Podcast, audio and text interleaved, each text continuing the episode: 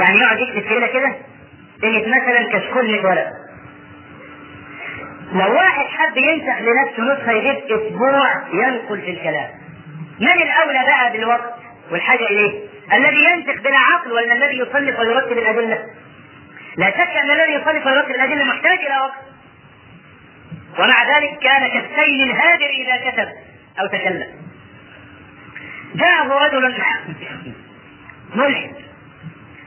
وصنف قصيدة يعترض فيها على القضاء والقدر ويقول فيها السؤال الظالم الخبيث إذا كتب الله عليه المعصية لم يعذبه وجاب الرجل وكتب تائية يعني أبيات شعر مختومة بحرف التاء سميت تائية لذلك وقالها الشيخ الإسلام ابن تيمية. وهذا الرجل زعم ان هو نصراني واحتار في القضاء والقدر وعايز حد يشفيه. وبداها بالبيت المعروف آية علماء الدين ذمي دينكم يعني جاءكم من يستفتيكم مش عارف في القضاء والقدر حد زي كده. لكن المقطع الأول هو آية, آية علماء الدين ذمي دينكم فالشيخ الإسلام ابن تيمية جالس والرجل عم يقرأ قصيدة كلها اعتراضات على الله عز وجل. قال الذين حضروا هذه الواقعة وهم كثرة منهم من صنف في مناقب شيخ الإسلام. قال فاعتدل شيخ الإسلام في جلسته وثنى رجله ورد عليه بمئة بيت على الوزن والقصيد. ممكن الواحد يكتب شعر جميل ويسبح في الخيال ويساعده الخيال لكن الشعر العلمي صعب. الشعر العلمي اللي انت عايز تنظم فيه قواعد شرعية في قوالب شعرية صعب. مئة بيت. رد على هذا الرجل. وسميت التائية ولها شرح مختصر. حياة شيخ الإسلام ابن كتاب حافظ علمتم الآن لماذا خص المبتدعة كل هجومين على شيخ الإسلام؟ لأنه هو الذي فلهم وكسر شوكتهم وأظهر جغلهم. وصلته فتوى إن رجل بيشتم الرسول عليه الصلاة والسلام. ما حكم الدين في من سب الرسول عليه الصلاة والسلام؟ فجلس وكتب كتابا هو الآن مطبوع في مجلد 600 صفحة.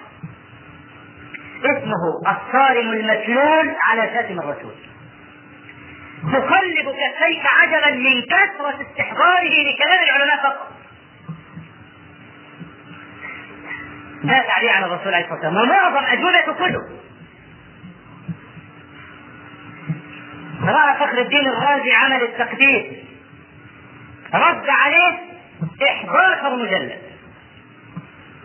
درء تعارض العقل والنقل. فأتى على بنيانين من القواعد. حتى قال ابن القيم لم يطرق سمع العالم كتاب مثله. الحلي الشيعي تهجم على الصحابة وأنهم أخذوا الخلافة من علي. والرسول عليه الصلاة والسلام نص على خلافة علي بنص جلي فجاء الصحابة فكتموا وماتوا على النفاق. وجاء جاء بالأدلة بقى اللي تثبت أن علي هو الأولى بالخلافة من أبي بكر والصحابة كتموا فرد عليه في تسع مجلدات. كتاب منهاج السنة النبوية في الرد على الشيعة القدرية. وأتى بنيانهم من القواعد. وسند كل شبهة أوردوها بصحيح النقل وصريح العقل. هذا الرجل له علينا جميعا منة كل الجماعات الإسلامية الموجودة الآن على الساحة استفادت من فكر شيخ الإسلام ابن تيمية. ليست هناك جماعة على وجه الأرض تنسب إلى أهل السنة والجماعة من قريب أو من بعيد إلا وشيخ الإسلام ابن تيمية معظم لديها. لذلك ظن بعض الجهلة إن شيخ الإسلام ابن تيمية هو سبب التصرف. فقال مصروف أحمد ابن تيمية حيا أو ميتا ولا يعلم الجاهل إنه مات منذ أكثر من 700 سنة. مطلوب حيا أو ميتا ويستحسن حيا عشان الاستجواب. ليه؟ لأن كل الجماعات هذه رجعت إلى دين الله عز وجل كما كان بفضل كتابات الرجل وتلميذه. ابن قيم الجوزية رحمه الله سيرة شيخ الإسلام سيرة مبهرة. أنصح كل طلاب العلم أن يقتلوها. وليس للرجل ترجمة واحدة. الذي وقفت عليه وهو قليل نحو ثلاثين ترجمة لشيخ الإسلام ابن تيمية. ما بين مجلد كبير ومجلد لطيف تقرأ حياة الرجل وتترسم خطاه ولا زالت السيرة العملية. السيرة العلمية لعلماء المسلمين هي ذات كل الباحثين. إذا شعرت بفتور في الطلب اقرأ سير هؤلاء. تشهد من همتك وتعلم أن شرف الإنسان بقدر ما ترك من الحق بين الناس. مصداقا لقوله صلى الله عليه وسلم إذا مات ابن آدم انقطع عمله إلا من ثلاث فذكر منها علم ينتفع به. أقول قولي هذا وأستغفر الله العظيم لي ولكم. اللهم اغفر لنا ذنوبنا وإسرافنا في أمرنا وثبت أقدامنا وانصرنا على القوم الكافرين. اللهم اجعل الحياة زيادة لنا في كل خير واجعل الموت راحة لنا من كل شر. اللهم قنا الفتن ما ظهر منها وما بطن. اللهم لا تجعل الدنيا أكبر همنا ولا مبلغ علمنا ولا تجعل مصيبتنا في ديننا ولا تسلط علينا بذنوبنا من لا يخافك ولا يرحمنا. رب آت نفوسنا تقواها وزكها أنت خير من زكاها. أنت وليها ومولاها. اللهم اغفر لنا هزلنا وجدنا وخطأنا وعمدنا وكل ذلك عندنا وأقم الصلاة. من شرور أنفسنا وسيئات أعمالنا. من يهدي الله تعالى فلا مضل له ومن يضلل فلا هادي له. وأشهد أن لا إله إلا الله وحده لا شريك له. وأشهد أن محمدا عبده ورسوله. أما بعد فإن أصدق الحديث كتاب الله تعالى وأحسن الهدي هدي محمد صلى الله عليه وآله وسلم وشر الأمور محدثاتها. وكل محدثة بدعة وكل بدعة ضلالة وكل ضلالة في النار. اللهم صل على محمد وعلى آل محمد كما صليت على إبراهيم وعلى آل إبراهيم في العالمين إنك حميد مجيد. وبارك على محمد وعلى آل محمد كما باركت على إبراهيم وعلى آل إبراهيم في العالمين إنك حميد مجيد. آه سأكمل الكلام عن حياة شيخ الإسلام ابن تيمية. وعن الدروس المستفادة من بعض مواقفه حتى نستفيدها ونتمثل بها في واقعنا. وبالنسبة للأسئلة اللي كان مجمع الجواب عنها آه، هذا اليوم إن شاء الله. إحنا سنعقد لها مجلس خاص في مسجد عبد الرحمن الخميس القادم. إن شاء الله بعد الصلاة في المسجد. آه، قبل أن أدخل في الدروس المستفادة من حياة شيخ الإسلام رحمه الله أريد أن أقول أن جنازة شيخ الإسلام ابن تيمية كانت من أحسن الجنازات التي شهدها العصر لدرجة أن كل الذين أرخوا شيخ الإسلام ابن تيمية قالوا لم لم تعرف جنازة فيها كثرة بعد الإمام أحمد مثل جنازة ابن تيمية. وكان الإمام أحمد رحمه الله يقول للمبتدعة بيننا وبينكم شهود الجنائز. بيننا وبينكم شهود الجنائز. لأن حضور الجنازة إنما تكون جوازع الحب المحض لكن في الدنيا ممكن الإنسان يعني يذهب لإنسان وهو يكرهه لأن عنده مصلحة أو خايف منه والناس اللي إحنا بنذكر اللي بيذكروا العوام يقول لك مات حمار العمدة الكل راح يعزي مات العمدة ولا واحد راح. ليه؟ لأن هو المطلوب رضا العمدة. فرضا العمدة إنه يشوف في السرادق كل الجماعة دي إيه؟ يمصمصوا رحمة عن الجحش المذكور. لكن العمدة ما يهمهمش. طب مات العمدة انتهى العمدة. لما تجد الجنازة حافلة تعلم إن هذا الرجل ميت كان طيب الذكر ورجل له مآثر ومناقب. لا أقول إنه من أهل الجنة بقى طالما الناس طلعت وراه وحبيته وبتاع والا يعني. فهناك مثلا الجنازة مثلا جمال عبد الناصر كان فيها ملايين والناس انتحر بلاش عشان يزعلوه الناس عبد الحليم حافظ. مصر الشباب وفي بنات رموا نفسهم من البلكونه في الاسكندريه في ميامي ومش عارف رموا نفسهم بلكونة حزنا على العندليب طب ده بقى يعني نعمل له إيه ده؟ هل وبعدين بعد ما دخل المهم الجنازة كل واحد خد التسجيل وده خد مش عارف أغنية ما أعرفش إيه وده الثاني خد نار والثاني خد مش عارف إيه ورايحين ده إيه قاعدين الراجل جوه في حاله عارفين إيه اللي بيحصل له وهم قاعدين بقى يعيطوا على الإيه؟ على الأغاني بتاعته. يعني شوف الشغل المستطيل يعني حتى في المقابر ياخدوا التسجيلات وكل واحد بقى وهو عمال يسمعوه اغاني مش بقى يقولوا بقى ولا بتاع اذا كان يجوز حتى مشكلة. فإحنا بنقول إن الرجل المتظاهر في حياته بالكتاب والسنة اللي ظاهر الاستقامة الحد الحاشد وراه يدل على إن ده من حسن الخاتمة. حد الحاشد وراء رجل متظاهر بالكتاب والسنة. الله أعلم باطنه كان شكله إيه؟ أو كان بيدعو في الناس عشان يقال عالم ولا كان هو طيب الذكر؟ والا ففي بعض العلماء وبعض المصلحين آه لم يمشي في جنازته إلا واحد أو اثنين. يعني حسن البنا رحمه الله كما يذكرون في ترجمته لم يمكن أحد أن يمشي وراه إلا ابوه الشيخ عبد الرحمن البنا رحمه الله. على فكرة والد الشيخ حسن البنا اللي هو الشيخ عبد الرحمن البنا كان رجل مجتهد الحديث. والحقيقة هذا الرجل لا يعرفه أحد وهو أفضل من ابنه. بالنسبة لخدمة العلوم الشرعية أفضل من ابنه. لأنه عمل عمل جبار فعلا. ظل فيه 25 سنة. وهو كتاب الفتح الرباني آه، في ترتيب مسند أحمد بن حنبل الشيباني 25 مجلد. رتب مسند الإمام أحمد على الأبواب الفقهية. مسند أحمد ده كل الصيد في جوز الفرس. طريقته إن يجيب مثلا أبو بكر الصديق الأول وبعدين يجيب كل احاديث أبو بكر على بعضها الطهاره على الزكاة على الصلاة كل الاحاديث على بعضها وبعدين مسند عمر وبعدين مسند عثمان وعلي حتى ياخذ تمام العشرة وبعدين يدخل على العبادله وبعدين على ابي هريره وعلى أمهات المؤمنين وعلى وعلى المقلين من الصحابه وعلى أمهات المؤمنين. المهم بقى إن كل مسند صحابي فيه أحاديث متشابهة يعني مثلا حديث توضأوا مما مست النار تلاقي عن أبي بكر وتلاقي عن عمر تلاقي عن أبي هريرة عن مسعود وعن جابر وعن فلان وفلان فيجمع كل الأحاديث دي من مسانيد يحطها كتاب واحد هذا الوضوء مما مست النار. مهم عمل جبار معجز لا يعلمه إلا أهل العلم. فهو لما قلت للشيخ حسن بنا رحمه الله فلم يسمح أن يمشي في جنازته إلا مثلا أبوه واحد أو اثنين أو ثلاثة. هذا يعني إحنا هنحط بقى عبد الحليم حافظ ولا أم كلثوم بالنون ها؟ آه وأمام مثلا واحد ما مشيش في جنازته واحد أو اثنين لا. إحنا بنقول الضابط أن يكون الرجل متظهرا بالكتاب والسنة. عاملا لها منافحا عنها. لما تشوف الحج الحاجة في جنازته ثم تعرف إن من من علامات حسن خاتمه الإمام أحمد رحمه الله كان يقول بيننا وبينكم شهود الجنائز لأن كل إنسان بيندفع المشي والجنازة بدافع ليه؟ لأن راحت راحت الهيمنة. يعني حتى أشار إليها عمر بن الخطاب رضي الله عنه لما فعل. فقال عبد الله بن عمر يعني اذهب إلى عائشة واستأذنها. وقل لها عمر ولا تقل لها أمير المؤمنين عمر فإني لست الآن بأمير. قل لها عمر يستأذنك أن يدفن مع صاحبيه. فلما ذهب عبد الله بن عمر يقول هذا فعائشة قالت والله إني يعني كنت أعددت هذا القبر لنفسي لكني أوثر به عمر. فقال له عمر بن الخطاب يا بني إذا أنا مت استأذنها مرة أخرى ليه حتى لا يغلبها الحياة وهو حي؟ أو قد يمنعها هيبة السلطان. فهو الآن بعد ما مات وانتهت القصة وخلاص كل واحد راح لحاله ومستأذنها مرة ثانية ويظهر رأيها الحقيقة. هل يدفن مع صاحبيه أم لا؟ فالمهم إن الجنائز هذه من من العلامات استقبال الناس من العلامات على إن هذا الرجل كان طيب الذكر لكن بالشرط الذي ذكرناه.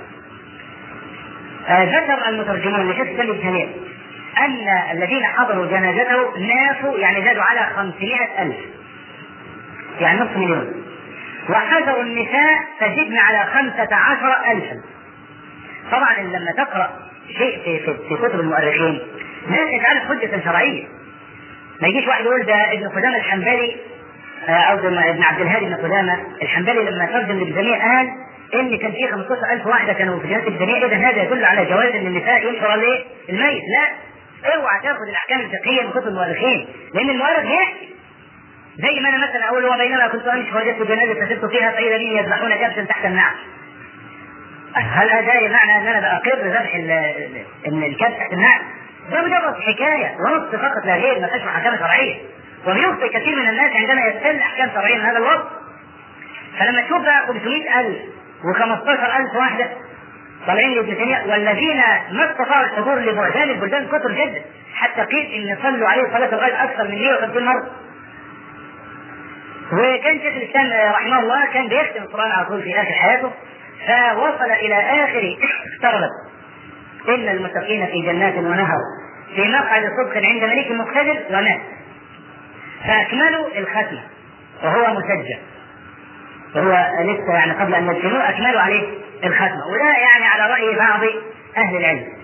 إن يجوز قراءة القرآن على الأموات على يعني خلاف سنفصل إن شاء الله لأن هذا أحد الأسئلة اللي كانت مطروحة. المواقف المستفادة من ترجمة شيخ الإسلام. أول موقف يلفت النظر إنه لما دخل السجن غير أهل الحبس مع إن الظروف النفسية للسجين قد لا تؤهله إن يكون منطلق لكن شيخ الإسلام ابن تيمية كان رجلا فرغ حياته كلها للإسلام. ولعلكم ما تعلمون أنه لم يكن متزوجا. شيخ الإسلام لم يكن متزوجا. وكان برا بأمه جدا. وجمعت بعض وقد نشرها رجل باحث في رسالة وهي رسائل شيخ الإسلام لوالدته. كان يبعت لها جوابات دايما تبعت له. يعني مثلا توصيه ان هو بقى يعني أخي خفت شوية وبلاش كده وبتاع ولحد إمتى هيفضل مثلا في السجن وكده. فتشوف بقى رد شيخ الإسلام على أمه كان رد رفيق جدا. يعني العاقبة المستقيم وإن المحسنين جوابهم كذا وإن الله عز وجل يعني اناط به الرد على المبتدع وانه لا يستطيع أن يتخلى ويتمنى دعواتها وهو موفق بدعواتها وكلام هذا القليل اللي هو يدغدغ عواطف أي أم فكان برا جدا بوالدته مع قيامه بحق الإسلام وحق المسلمين في الدعوة إلى الله تبارك وتعالى. فلم يكن حياته حياة سخية ولا حياة رطبة عشان يزعل عليها. عارف إيه اللي بيكسر الإنسان عن قول كلمة الحق وعن الصبر عن المحن؟ إن هو بيكون في الخارج متعود على حياة معينة. متعود ان هو ينام ويتغطى ببطانية كويسة ويشغل الدفاية ولا مش عارف يشغل إيه ويأكل الأكل كويس ومغسول وبتاع. لما بيدخل بقى السجن كده بيجي ينام على البلاط وبعدين نفسه ياخد راحته يبص اللي بره يشوف الخلق مش شايف خرم الباب. وخرم الباب قد لا يشافه. المهم ان يحس بوحشة وحزن وعدم أنس. فده يخليه يضعف لما يبتدي يساوموه. ليه؟ لأن هو ما يستحملش كده. ابن عز وما يستحملش البهلان لا ينتصر الدين بأمثال هؤلاء. لابد الإنسان يوطن نفسه الإمام أحمد لما عمه راح له وقال يا أحمد قلها قلها كما قالها الناس. والسرح قالها أساطير العلماء. مخلوق آه مخلوق. حتى قيل لبعض العلماء آه عشان يسالوه عن كيف خلق القرآن. قال له آه ما تقول؟ أمخلوق؟ قال إياي تعني؟ قال نعم. قال مخلوق. شوف هو لفاها صحيح بينه وبين نفسه لكن مش هو ده الجواب. لأن الجواب إنما يخرج على نية أو على فهم المستمع. الجواب يخرج على فهم المستمع مش على مرادك أنت إياي تعني الثاني فكر يعني بيقول له أنت أنا وهو العالم صبها على روح يعني أنت تقصد أنا اللي مخلوق؟ أه قال له أه مخلوق. وخلاص.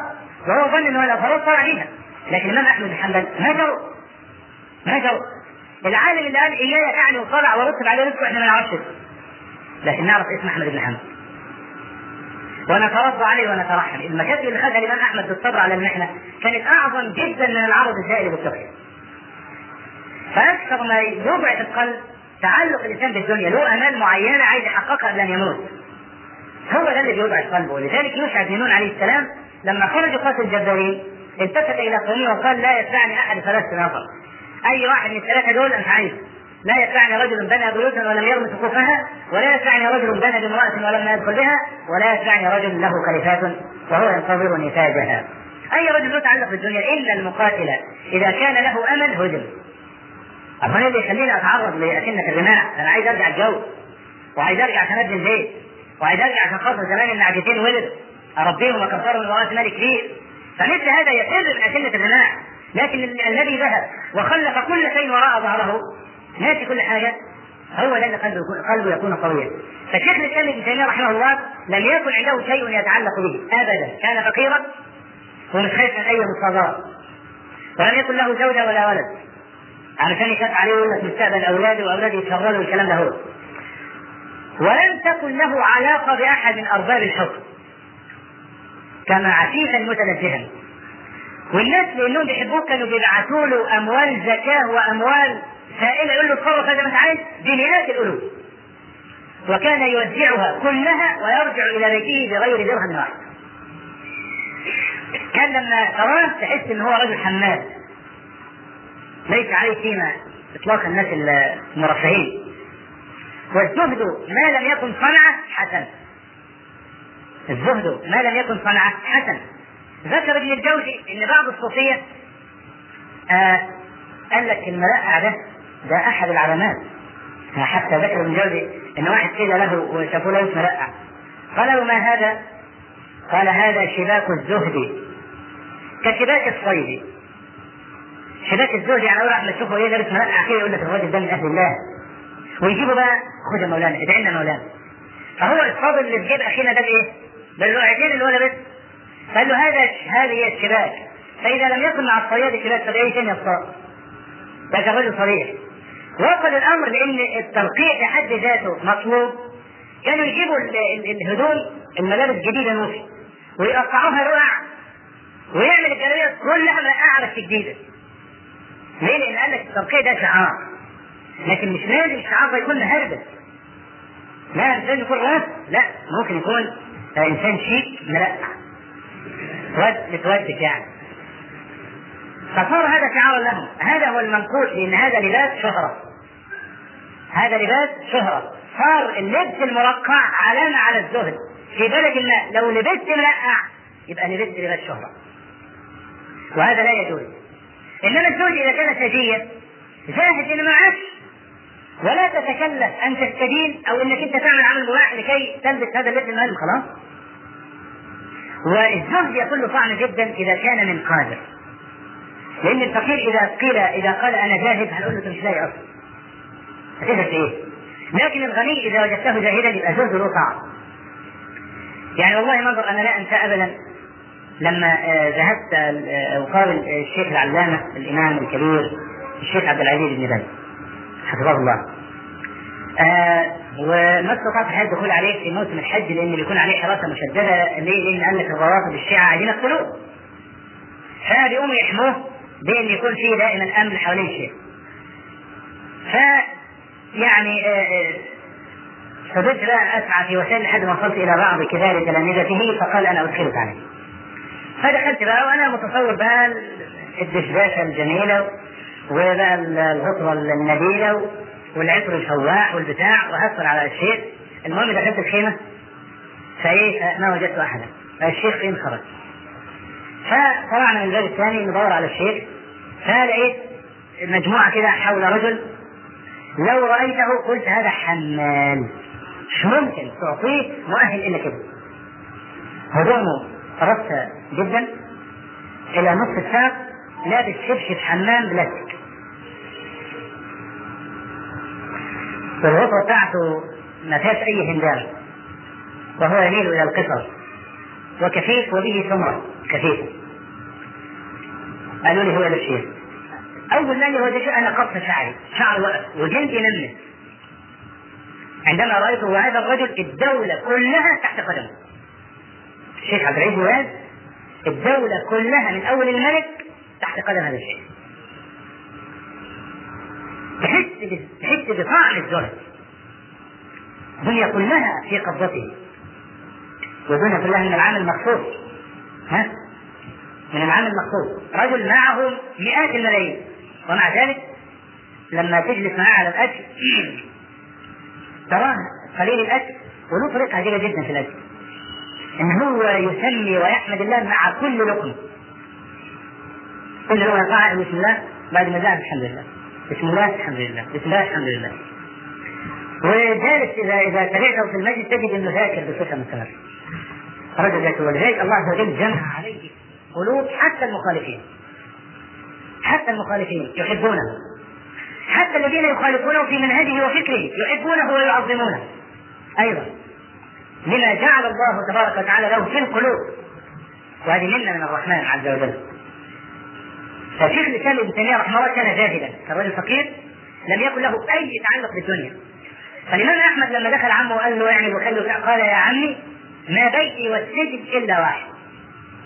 فرش أنا في بيتي كاني في السجن في السجن كاني في بيتي التي فرش طالما حققت العبودية لله عز وجل فخلاص انتهت الدنيا. لأن قمت بمهمتك كما يليق كما ينبغي. فشيخ الاسلام ابن كان قوي الجنان. لما دخل السجن أول ما كان منكرات ابطلها وانكرها جمعنا مرة مع واحد في سجن من المخالفين اللي هم يقولوا إن يعني الناس الأصل فيها الكفر ولا نحكم لهم بالإسلام لحد ما إيه؟ لحد ما يظهر منهم ما يدل على ذلك. فلما دخلنا ما صلوش معانا آه صلاة طبعا أول ما دخلنا نايمين ما رحبوش بينا قاموا قعدوا على ظهورهم وبتاع فالإنسان حس بنوع من الإيه؟ نوع من الجفاء شوية. إن هو عادي يعني المفروض حتى لو لو حتى ملامعه جوه اول ما قال أهلا يا يا زمن ولا أي حاجة. زي ما أي حاجة اطلب الله رب العالمين عليكم السلام كده والله يوم السبت على ظهر. فهمست في اذن الذين ما سبقوني إيه؟ الجماعة دول دول توقف تكفير آه لك آه طيب. قلنا بقى من بكرة بقى إيه؟ ندعوهم. الان ما معانا ليه؟ إيه يا جماعة؟ ما معانا ليه؟ قال يعني الحقيقة البدع انتشرت والنذر لغير الله كتر والذبح لغير الله موجود. وطبعا الأصل بقى الواحد يتحرى دينه وما يسميش لو واحد يشهد بالاسلام طيب إحنا دلوقتي في السجن. لا شفتني نذرت لغير الله ولا ذبحت لغير الله وظهر مني علامة تدل على أنني مسلم وهي أنني صليت. والنبي عليه الصلاة والسلام لما كان المنافق ده وقال له اعدل فانك لم تعدل وسعت ويقول أقتله. فقال لا فعله يصلي. فجعل صلاته مانعا من قتله. حتى قال خالد كان كم من مصلي لا يصلي؟ قال إني لم أمر أن تحبطون الناس ولا تقاتلون وقال يكون عليكم امراء وذكر من صفاتهم قال يا رسول الله أفلا نقاتل؟ قال لا ما صلوا وجعل الصلاة فارقه بالإيمان والكفر. أنت أول ما تشوفني بصلي خلاص دي علامه الاسلام حتى يظهر مني ناقض لهذا لهذه العلامه تقوم أنت تقول آه أنت بقى صحيح كنت جاي الإسلام لكن ناقض هذا الإسلام يبقى أنت إيه؟ مش كده طيب تعالى بقى إيه؟ اعتبرني رجل جاهل وأنت رجل صاحب دعوة حق ادعوني إلى فكرك وبدأنا نتكلم وإذا أبو جهل مسجون بقاله 15 سنة على هذا الفكر. ما يعرفش الأدلة تطلع إيه؟ ما يعرفش الأدلة تطلع إيه؟ سمي الأدلة اللي ممكن تحتاج ليها طيب عشان خاطر إيه يعني؟ نتفق قول لي على الأدلة اللي أنت بتحتاج ليها والأدلة اللي أنت ما بتحتاجش ليها أنا عايز أشده. فقال يعني كتاب الله وسنه الرسول له جميل. لم نجد في كتاب السنة. هل في أدلة أخرى؟ قال آه إذا كان الصحابي الحد وأنا على فكره كنت بصلي وراء من الازهر والاوقاف عملا بقوله صلى الله عليه وسلم صلوا وراء كل بدن فاجر لكن أنا بعد ما علمت إن الحديث ضعيف